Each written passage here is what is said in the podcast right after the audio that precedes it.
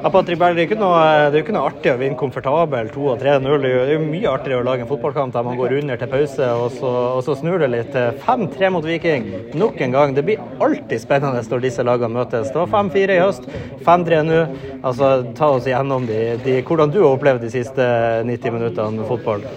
Eh, nei, egentlig eh, veldig gledelig. Sånn, helt fra starten syns jeg vi er veldig gode og dominerer kampen. og har en fin energi og eh, kommer til ganske mange store sjanser egentlig, som vi bare ikke klarer å, å sette. Og så eh, litt eh, ut av intet så, så leder de 2-0 til pause.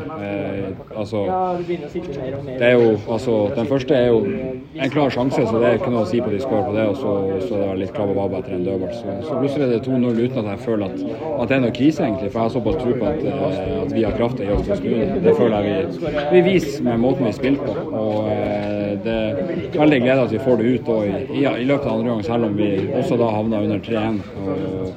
Det kunne nok ha knekt mange lag, men veldig, veldig stolt over den moralen vi viser. Absolutt. 0-2 til pause, du kommer inn, og så ender man opp med at man skårer fem mål i, i andre omgang. Hva er det som blir sagt i, i pausen som gjør at man kommer ut på det viset der? Nei, egentlig ikke noe, noe, nytt. Det som vi alltid har, det, det er fokus på prestasjon. Så om vi ligger under 2-0 eller er det 2-0, så skal ikke det endre noe. Eh, og hvis, skal, hvis, vi skal endre noe, så er det pga. fotballfaglige årsaker at vi ser noen muligheter, ikke pga. at vi ligger under 2-0. Eh, så det, det, var egentlig bare å eh, si at det er veldig mye bra, så vi må bare fortsette. For det, mulighetene kommer, og det, det gjorde de virkelig. Mm. Nino Sugell, du må få si litt om han. Også to mål og hockeyassist og sterk bidragsyter til at Glimt tar seg videre nå. Hva, hva syns du om innhoppet hans? Nei, Veldig bra. Jeg syns Nino har jobba godt gjennom eh, hele vinteren.